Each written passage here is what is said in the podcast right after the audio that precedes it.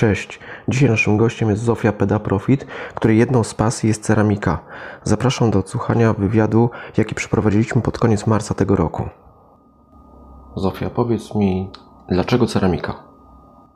Takie pierwsze moje, moje w ogóle wspomnienie na temat ceramiki to było w sumie. E, znalazłam za czasów odległych, jak chodziłam jeszcze do szkoły podstawowej, w bibliotece miejskiej znalazłam taką książkę, stare wydanie z kiepskimi fotografiami, ale fotografie kolorowe na temat właśnie ceramiki. W zasadzie cała ta taka metamorfoza tego, tego materii, że z czegoś, co jest tam powiedzmy, nie wiem, e, piachem, błotem, e, kurzem, można zrobić coś, co ma niesamowite barwy i, i e, kształty, jest odporne na wodę, odporne na, na e, temperaturę i tak.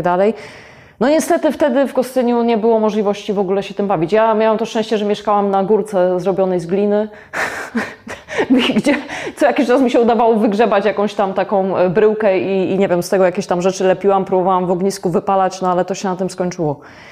Natomiast później, e, już jak mieszkałam w Stanach, e, tak e, się złożyło, że urosło to do, do trochę większych rozmiarów.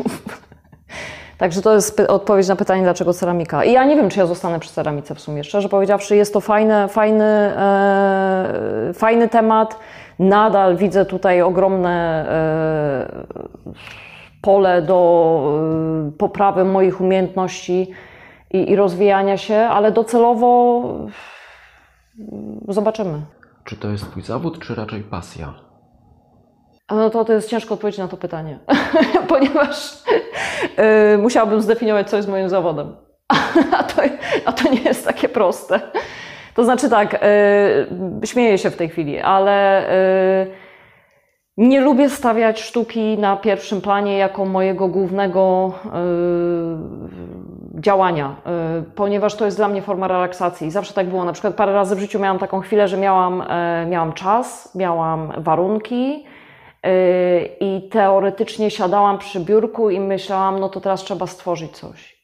I wtedy jest pustka. I, i nie potrafię w taki sposób działać. Natomiast naturalnie wynika, gdzieś tam ze mnie wypływa ta potrzeba e, robienia czegoś i, i no, dzięki temu gdzieś ta kreatywność jest. A więc ja, ja często też mam taką, może, może nie wiem, wszyscy mm, profesjonaliści by mnie na to, na to stwierdzenie, e, za to stwierdzenie ukamienowali, aczkolwiek pamiętam jak dziś, że jak byłam w liceum, jeździłam na jakieś tam kursy rysunku do Poznania, to tam często e, mm, nauczyciele, profesorowie mówili, że trzeba stale ćwiczyć rękę, że jest coś takiego, że dopiero jak ja wyrysuję tyle ołówków, że będę miała duży słój takich króciutkich ołówków, to ja dopiero wtedy mogę powiedzieć, że ja rysuję.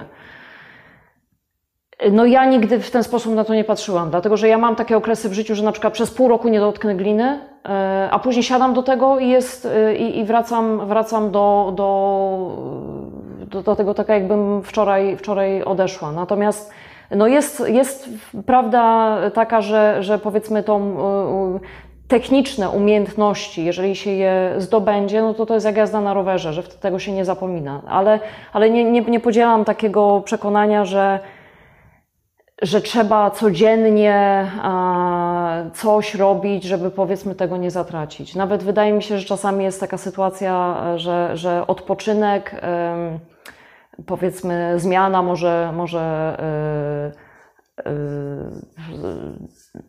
jakiegoś zmiana, zmiana materii, w której się pracuje, raczej wychodzi na dobre. Nie wiem, przynajmniej tak w moim przypadku to jest. Czy z perspektywy czasu artysta spostrzega inaczej pewne rzeczy, detale? To znaczy, myślę, myślę, że, myślę, że tak, aczkolwiek nie zawsze w dobrym kierunku. Dlatego, że ja na przykład widzę, że dla mnie przejście w, w, w, jak gdyby w stronę rzeźby, od, od malarstwa i od rysunku pójście w stronę rzeźby, zmieniło punkt widzenia e, z dwuwymiarowego na trzywymiarowy. Ja w tej chwili na przykład, jeżeli, jeżeli ja w ogóle pracuję, to pracuję najczęściej opierając się na modelach. E, I stąd tutaj dlatego widać całą, całą masę bałaganu na moim, e, na moim biurku, bo ja na przykład jak robię krany, to ja wszędzie e, szukam krany i ja je biorę do ręki, oglądam z, ze wszystkich stron i na podstawie tego rzeźbię. Jeżeli robię krabie szczypce, to zbieram krabie szczypce, gdzie mogę i y, bazuję na tym. Jak miałam serię dotyczącą warzyw, to miałam lodówkę pełną warzyw w różnym stopniu rozkładu. Jaki jest poziom trudności Twoich prac? To jest bardzo, bardzo subiektywne pojęcie, trudne, nietrudne. Natomiast sama misa to jest e, misa robiona e, w, takim, w takiej formie z gipsu. Te, te formy ja też robię. Robię je jak gdyby e, w kilku rozmiarach i e, dlatego, że ja nie pracuję na kolej. Ja te, ja te e, podstawowe kształty jak gdyby e, odciskam w formie. Tutaj też jest to powiedzmy taka technika, którą, którą dopracowałam sama, także tajników nie mogę zdradzić do końca. Ale zrobienie samej misy, no to też nie jest kwestia paru godzin, nie? Ja więc i bardzo często ludzie mnie pytają, ile czasu zajmuje mi zrobienie czegoś. Nie wiem, nie jestem w stanie y, dokładnie określić, bo, bo nigdy nie sumowałam, szczerze powiedziawszy, tych godzin. Natomiast już same te elementy, które są doklejone, no to zazwyczaj po prostu, ja też to robię ręcznie, to nie jest robione, robione z odlewów, więc na przykład w przypadku takiego kranu zaczynam od głównego, mm, od, od kształtu korpusu, y, później pozwalam, żeby ta glina y, wyschła do takiego stadium, się nazywa leather hard, czyli, czyli skórzasta taka, taka glina, którą można już y, obcinać na przykład skalpelem. A jeśli chodzi o narzędzia i techniki, jakimi się posługujesz? Podstawowymi takimi narzędziami, którymi, którymi ja y, operuję, to są takie y, drewniane, tak, drewniane szpatułki, skalpele i później cała masa takich narzędzi domowej roboty, jakieś tam znalezione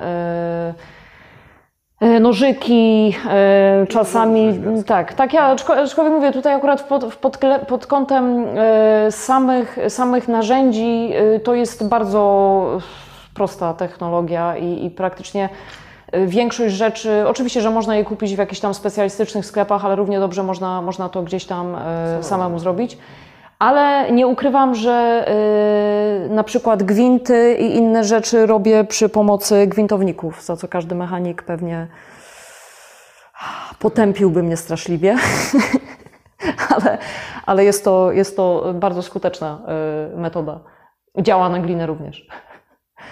I teraz tak, no dobrze, mam y, na przykład w momencie, kiedy ja już osiągnę jakiś, jakiś poziom y, z zewnątrz, podoba mi się to, to po to, żeby to nie było ciężkie, rozcinam to na pół, wyciągam z środka glinę, sklejam z powrotem i dopiero wtedy e, mocuję. Dlatego, że jeżeli te elementy byłyby pełne, e, no to wtedy one by były za ciężkie. Poza tym e, przy pracy w glinie niebezpieczne jest łączenie elementów o różnych grubościach ścianek, dlatego że przy wypalaniu tego następuje e, zmniejszenie wymiarów e, gliny. E, Ona się kurczy po prostu. Kurczy się akurat ten rodzaj gliny, którego ja używam, kurczy się dosyć dużo. Ona to jest około 10%. E, I w momencie, kiedy mamy grubą ściankę i cienką, to w tych miejscach, w miejscu łączenia powstają pęknięcia z tego względu, że, że po prostu ten skurcz przy, przy cienkich elementach jest za duży i, i wtedy po prostu przy wypale wychodzą błędy, takie błędy technologiczne przy, przy robieniu tego. Co jest Twoim źródłem inspiracji? No To jest ciekawe pytanie, bo ja nie, nie, mam, nie mam nikogo w dziedzinie ceramiki, na kim bym się e, opierała, ale w dziedzinie sztuki tak, tak. Raczej, raczej e, w- o dziwo dla mnie realizm i e, nawet, nawet malarstwo polskie, realistyczne e, zawsze mnie fascynowało. E, Oczywiście, że moje prace są bardzo dalekie od, od, e, od tego, ale, bo to raczej można by powiedzieć jest już, wchodzi w hiperrealizm, aczkolwiek no sama umiejętność przedstawienia czegoś w taki sposób, że widz myśli, że patrzy na, na zdjęcie albo na prawdziwy produkt. I, ale na przykład ja mam coś takiego, że y, nie chodzę na wystawy, nie oglądam y, prac. y,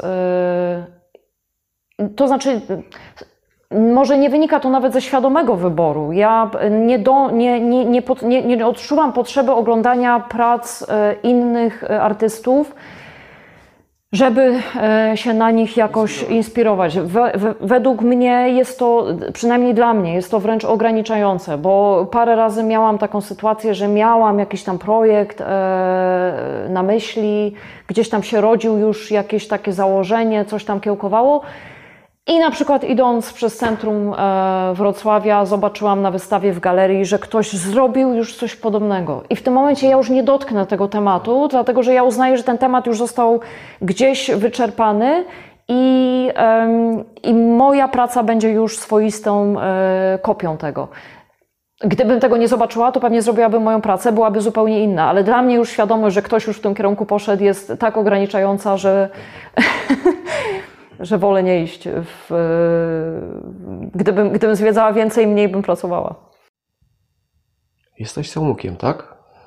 Skończyłam jakiś tam taki kurs podstawowy, yy, trwający, nie wiem, pięć zajęć, yy, jak się, czego nie robić z gliną, czyli, czyli czego nie robić, żeby, żeby to nie wybuchło, żeby to się trzymało razem i, i tak dalej. Natomiast Cała reszta jest to y, doświadczenie i wiedza gdzieś tam zdobyta przez y, próby, błędy, dużo rozmów z ludźmi, którzy, którzy się tym zajmują, dużo czytania jakichś tam specjalistycznych książek. Natomiast nie ukrywam, że y, też y, byłam y, ogromnie zdziwiona, bo jak zaczynałam z gliną, no to tak jak na początku wspomniałam, wydawało mi się, że jest to błoto, że jest to powiedzmy taka martwa materia.